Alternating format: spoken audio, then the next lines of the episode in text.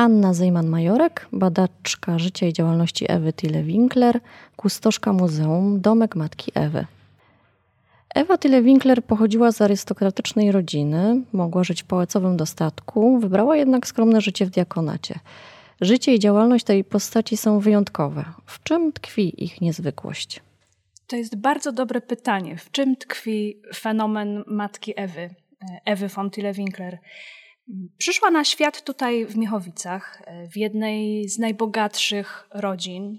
Mogła mieć wszystko. W zasadzie miała od urodzenia wszystko, niczego jej nie brakowało, ale dostała e, od swoich rodziców bardzo ciekawą lekcję, mm, ponieważ e, i i Hubert wychowywali swoje dzieci w niezwykłej skromności, e, w poszanowaniu drugiego człowieka, w miłości, E, także e, ona już od samego początku dorastała w takiej niezwykłej atmosferze i to dzieciństwo e, całego rodzeństwa Ewy i jej było zupełnie inne od typowych arystokratycznych metod wychowawczych w innych bogatych domach.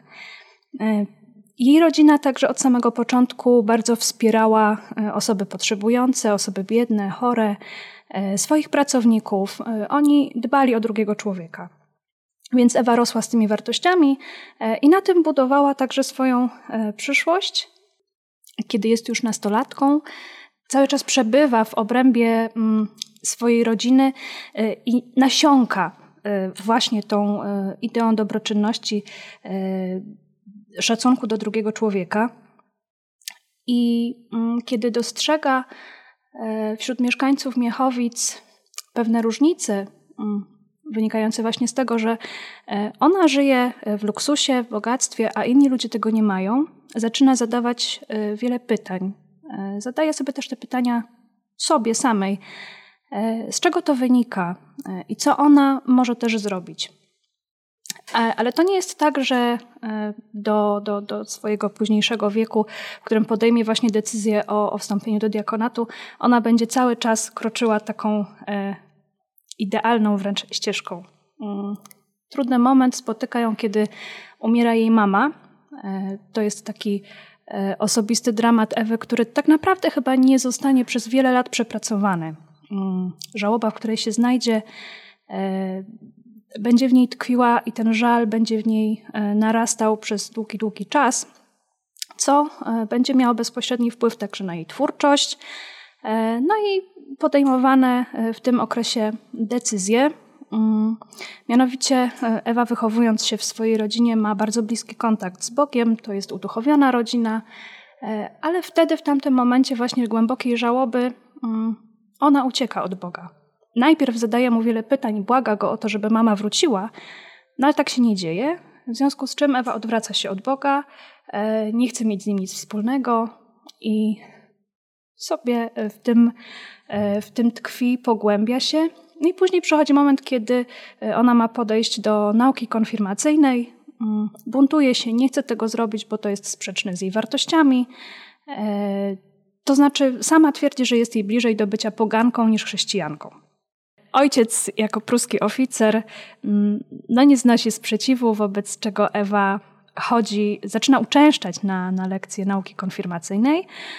E, no i w domu zaczyna intensywniej czytać Biblię. W zasadzie jest to takie, można powiedzieć, jej pierwsze osobiste spotkanie z Biblią, e, kiedy ona fizycznie może sama wziąć Biblię do ręki i e, sama analizować historie, które czyta.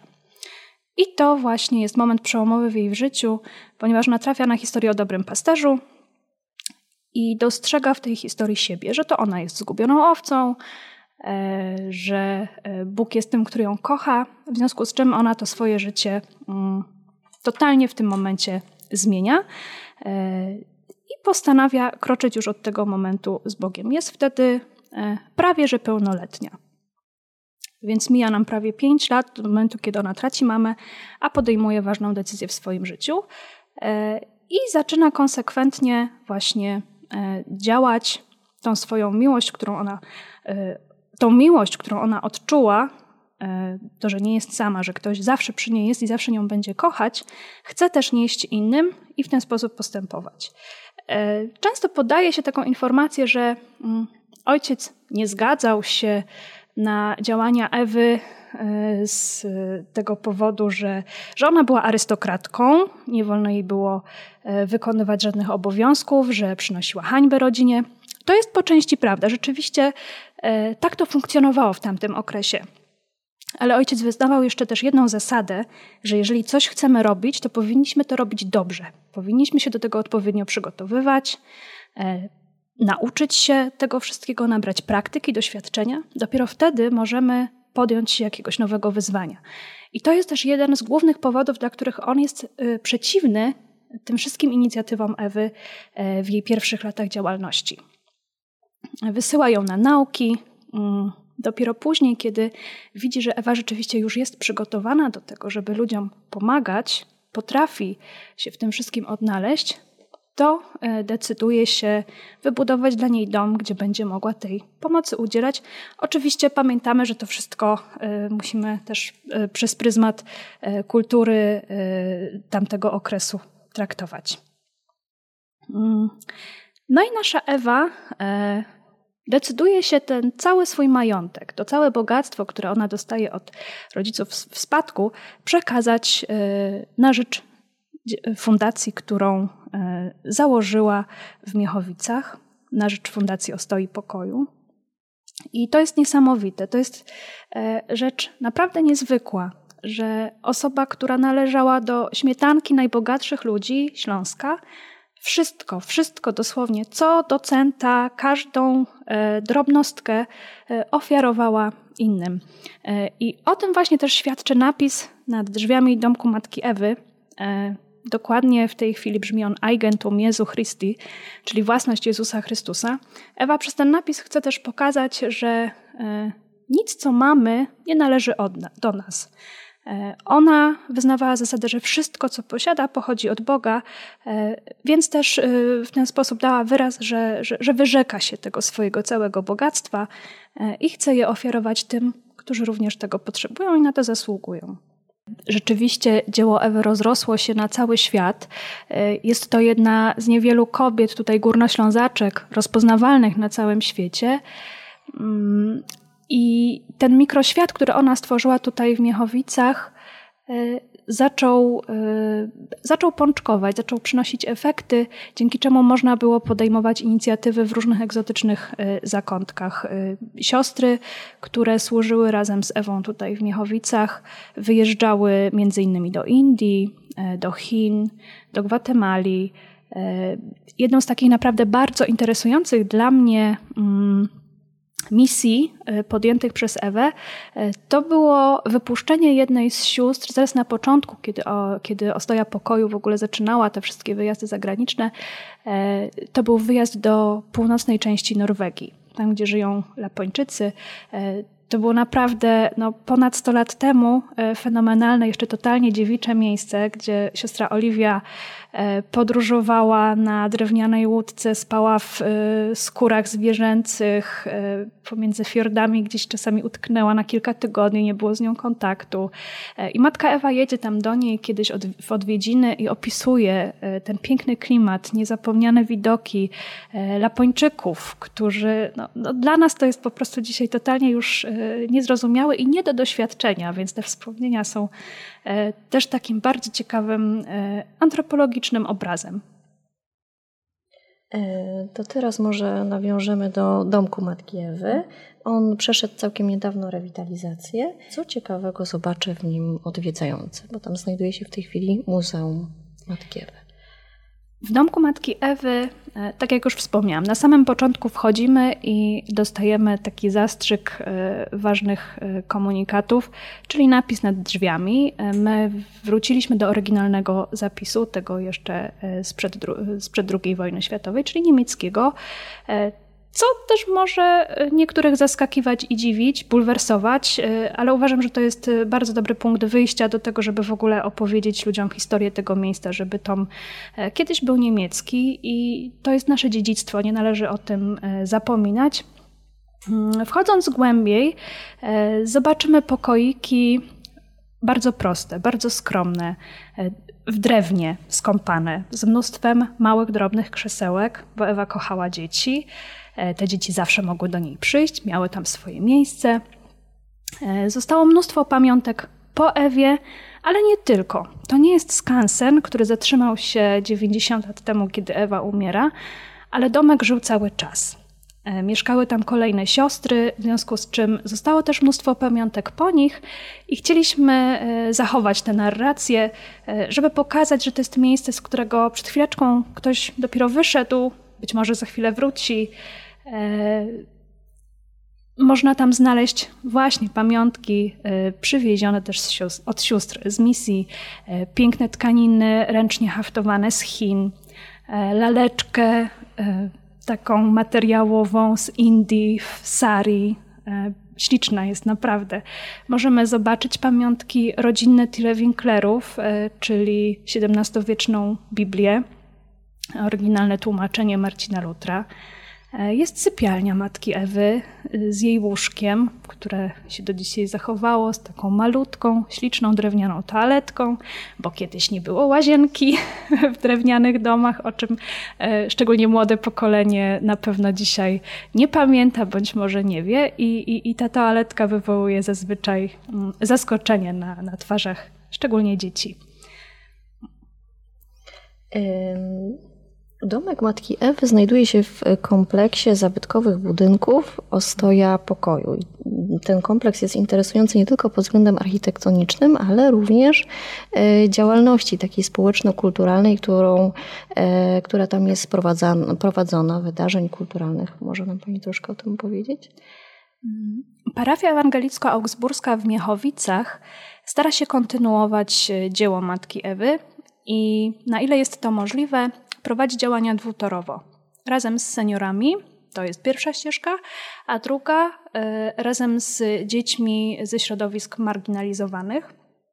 Te prace akurat z dziećmi e, koordynują pracownicy grupy pedagogów ulicy UNO. Jest to jednostka zamiejscowa e, z Centrum Misji Ewangelizacji Kościoła Ewangelicko-Augsburskiego. E, grupa UNO działa tak naprawdę od 2007 roku. Wtedy pracowali w Łowiczu, e, a od 2010 roku już są u nas w Miechowicach, więc w tym roku mija e, okrągła rocznica, kiedy oni, oni swoje działania z dziećmi z bytomskich dzielnic prowadzą. Mm, w sezonie jesienno-wiosennym mają do dyspozycji salę w jednym z budynków w ciszy Syjonu, gdzie, gdzie są te zajęcia prowadzone, szczególnie wtedy, kiedy jest brzydka pogoda, bo jednak starają się e, dotrzeć do ich naturalnego środowiska, czyli do środowiska ulicy.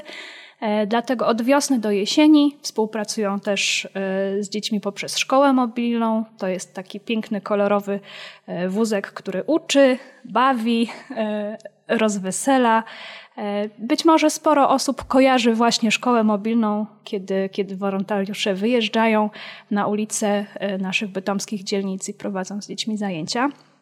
E, druga część, druga droga, o której wspominałam, czyli praca z seniorami, dzieli się na trzy gałęzie. Mm, parafia ma Centrum Aktywności Seniora, które mieści się w budynku Ostoi Pokoju, czyli w tym pierwszym domu, który Ewa otrzymała od swojego ojca na, na działalność.